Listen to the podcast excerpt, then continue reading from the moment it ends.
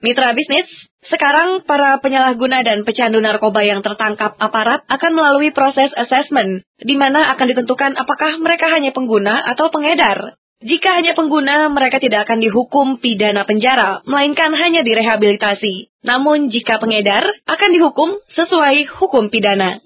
Dan untuk membicarakan hal tersebut, saat ini kami telah tersambung dengan Hakim Agung Gayus Lumbun. Pak Gayus, apa komentar Anda soal ini? Iya, memang kita memerangi kejahatan ini, yaitu kejahatan narkoba karena membahayakan masa depan bangsa dan generasi penerus yang terutama terancam. Tetapi justru kita harus bisa menempatkan bagaimana memerangi kejahatan ini secara tepat. Kalau kita hanya memenjarakan seperti selama ini yang dijalankan, maka masalah kejahatan narkoba ini tidak pernah berhenti. Karena penjara bukan solusi untuk bisa menyelesaikan atau menghentikan kejahatan narkoba. Jadi terobosan lain adalah menyembuhkan bagaimana korban itu disembuhkan. Tetapi harus dipilah di asesmen bahwa apakah seseorang ini betul-betul sebagai pecandu atau pengguna narkoba dan yang lain memang bekerja sebagai penyalur atau pengedar. Ini yang harus dipisahkan uh, melalui garis tegas dan ini sangat tergantung kepada proses penyelidikan dan penyidikan awal. Hakim dan jaksa itu nanti juga harus bisa melihat secara jelas dari keseluruhan proses itu. Baru bisa dipastikan model ini akan cocok ke depan.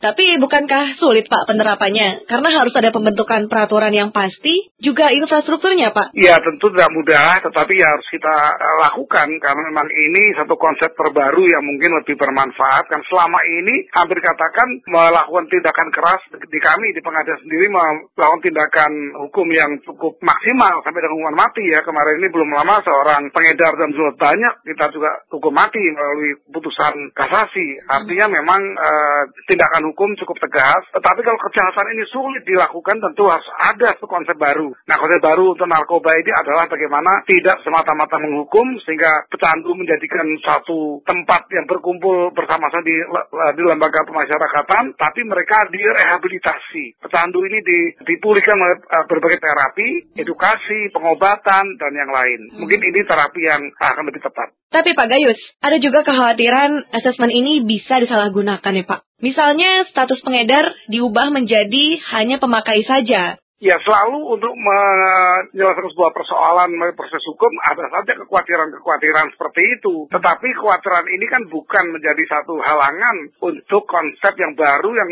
eh, digagas dan ditemukan dengan teliti. Artinya di banyak negara juga tidak lagi semata-mata dengan memenjara. Apakah di penjara itu diobatin? Apakah di penjara itu uh, ada terapi yang bisa menjadikan orang ini sadar untuk menggunakan. Bagi saya memang bahkan penjara itu menjadi mereka belajar di situ. Mereka lebih canggih bergaul dengan sama pengguna. Tapi kalau ini sebuah tempat yang rehabilitasi, ini akan punya program edukasi, punya program penyadaran. Jadi diberikan kecuali kepada pengedar. Nah, kalau ditanyakan kepada saya bagaimana kalau petugas-petugas atau aparatur-aparatur ini menyimpang, itu hal yang lain. Itu hal harus lembaganya kembali mengevaluasi kesiapan dari aparaturnya untuk menjalankan tugas ini dengan baik. Ya tidak disalahgunakan atau simpangkan peraturan-peraturan yang semula harus dihukum tapi ini tidak dihukum justru melalui proses yang tidak tepat. Ini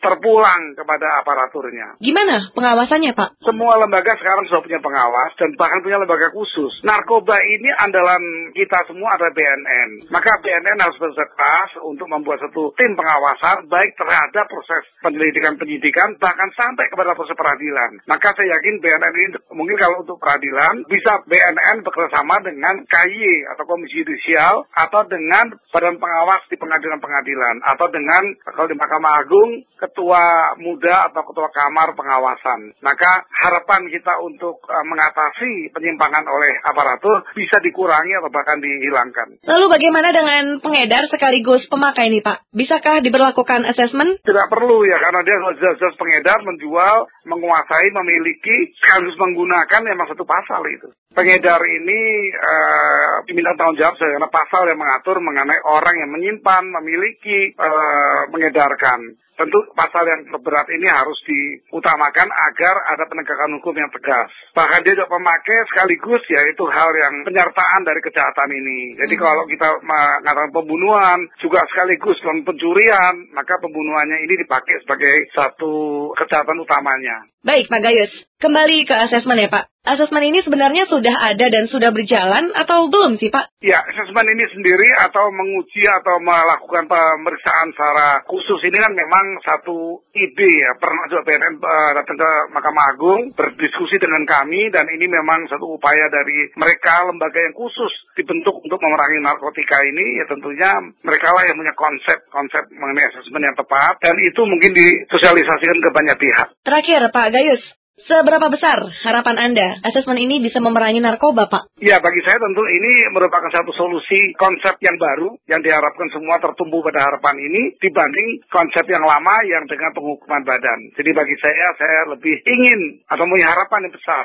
agar konsep asesmen ini akan berhasil, bisa menanggulangi, paling tidak mengurangi, dan selanjutnya ada konsep lain yang lebih baru lagi dan lebih bagus, terus berkembang ke depan untuk lebih baik. Demikian Hakim Agung Gayus Lumbun, saya Mandariska.